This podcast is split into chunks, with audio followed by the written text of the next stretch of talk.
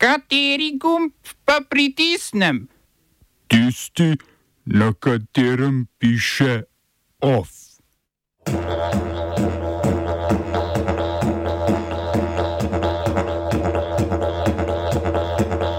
Mačarska, Poljska in Slovaška enostransko nadaljujejo prepoved uvoza ukrajinskega žita. V prvem krogu volitev za voditelja grške Sirize največ glasov prejel kapitalist Stefanos Kaselakis. Vojaški voditelji Malija, Burkina Fasa in Nigra sklenili pakt o medsebojni obrambi. Fizični in verbalni napadi na udeležence Mariborske parade ponosa.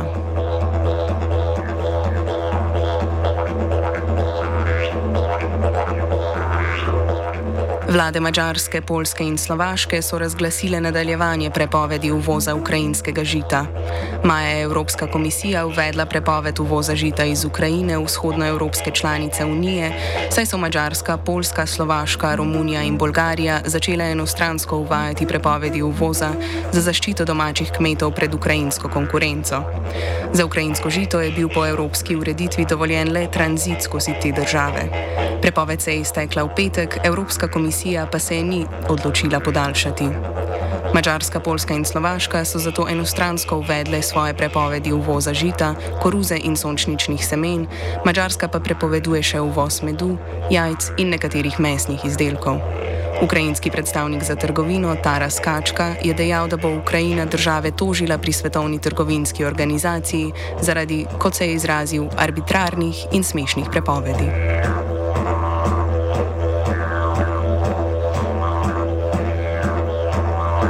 V Grčiji je na volitvah za novega predsednika stranke Siriza največ glasov prejel Stefanos Kaselakis. Osvojil, osvojil je 45 odstotkov glasov. Sledi mu nekdanja ministrica za delo Eftihija Ahčioglu s 36 odstotki glasov. Člani stranke bodo med vodilnima kandidatoma izbirali naslednjo nedeljo v drugem krogu. V prvem krogu je glasovalo 140 tisoč ljudi, od tega je bilo 40 tisoč novih članov Sirize, ki so se v stranko včlanili dan pred volitvami.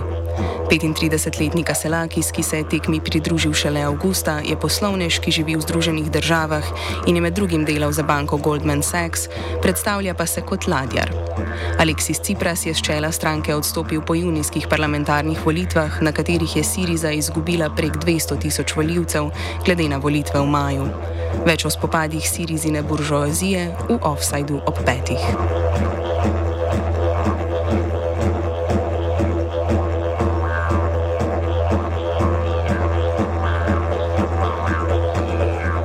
Več sto izraelskih nacionalistov je pod zaščito policije vdrlo v jeruzalemsko mošejo Al-Aqsa. Policija je tudi sama napadla palestinske obiskovalce mošeje.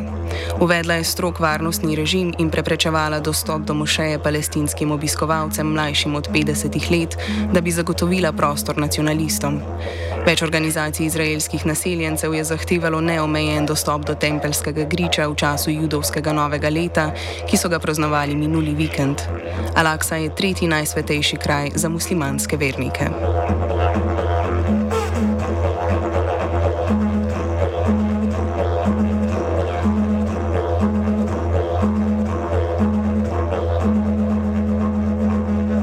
Sodišče v Kajru je obsodilo generalnega sekretarja Zavezništva liberalnih strank Svobodni tok in nekdanjega novinarja Hišama Kasema na šest mesecev zapora zaradi obrekovanja nekdanjega ministra za delo Kamala Abu Ajte. Kasem mora za obrekovanje javnega uslužbenca Abu Ajti plačati tudi 600 evrov odškodnine. V Svobodnem toku so napovedali, da zaradi obsodbe Kasema ne bodo nominirali svojega kandidata za predsedniške volitve prihodnjo pomlad, na katerih se bo predsednik Abdel al-Sisi potegoval za tretji mandat po prevzemu oblasti z državnim udarom leta 2013.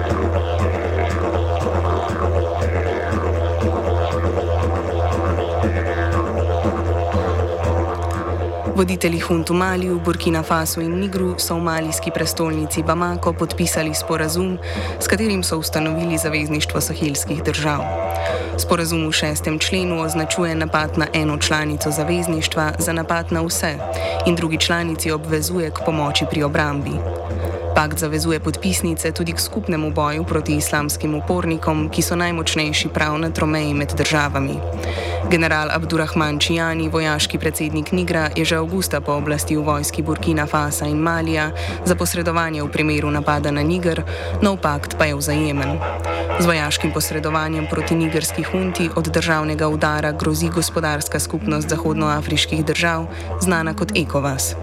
Svojih 1500 vojakov kljub zahtevam hunte iz Nigra noče umakniti Francija, ki je medtem suspendirala izdajo novih študentskih viz za študente iz držav novo ustanovljenega sahelskega zavezništva. Že predtem je francosko kulturno ministrstvo umetniškim institucijam prepovedalo gostovanje umetnikov iz Nigra, Burkina Fasa in Malija. Smo se osamosvojili, nismo se pa osvobodili. Naslednje naštete pa še 500 projektov. Izpiljene modele, kako so se strani nekdanje LDS rotirali. Ko to dvoje zmešamo v pravilno zmes, dobimo zgodbo o uspehu. Takemu političnemu razvoju se reče udar. Jaz to vem, da je nezakonito, ampak kaj nam pa ostane? Brutalni obračun s politično korupcijo. To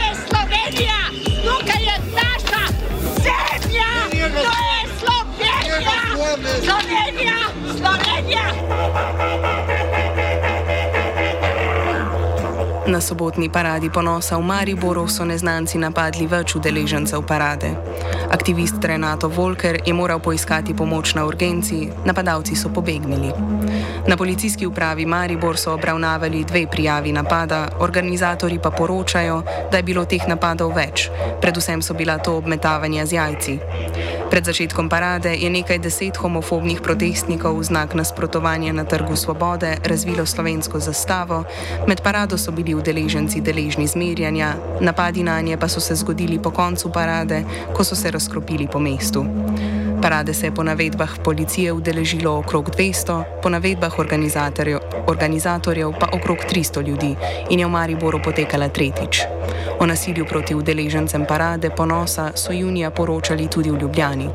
Nasilje na paradi v Mariboru komentira Mari, Marja Guček, direktorica Mladinskega kulturnega centra Maribor, ki je parado ponosa organiziral. Res smo mislili, da bo to vprašanje varnosti za vsako parado manjše um, torej, da se bomo z njim manj ukvarjali, žal se pa kaže ravno drugače, ne? uh, kar nas res um, zelo žalosti in skrbi. Z nekimi grožnjami se je začelo že, eh, ko smo se začeli prostovoljci pripravljati na uh, samo parado. Je prišla skupina mladih fantov in napovedala fizično nasilje, zagrozila z njim. Potem večino dneva je kot eh, provokacija v Mariboru visela zastava, da Maribor je samo vijoličen in rumen.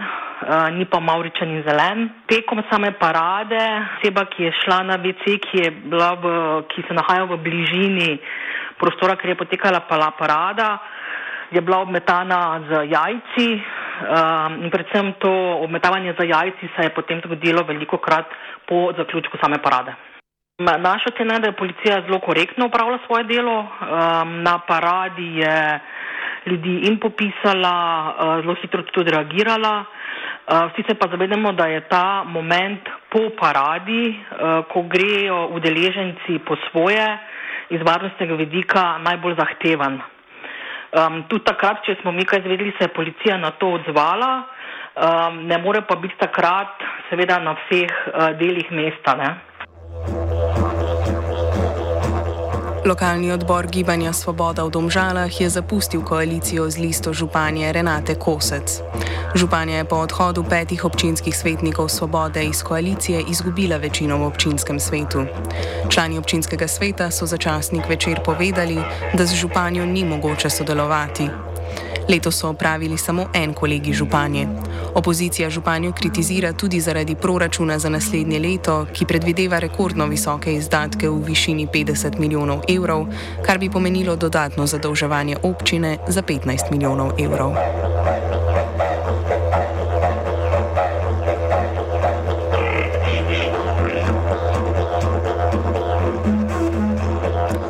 Inštitut 8. marec, Društvo Eko Anhovo in Dolina Soče ter civilna inicijativa danes so sporočili, da so zbrali potrebnih 5000 overjenih podpisov za vložitev predloga sprememb zakona o varstvu okolja v državni zbor. Po predlaganih spremembah bi izenačili standarde izpustov za sosežigalnice z veljavnimi standardi za sežigalnice odpadkov. Sosežig odpadkov bi tudi omejili in uvedli strožji nadzor. Iz inštituta 8. marec so sporočili, da bodo zbiranjem podpisov še nekaj dni nadaljevali in jih uložili v državni zbor do konca tedna.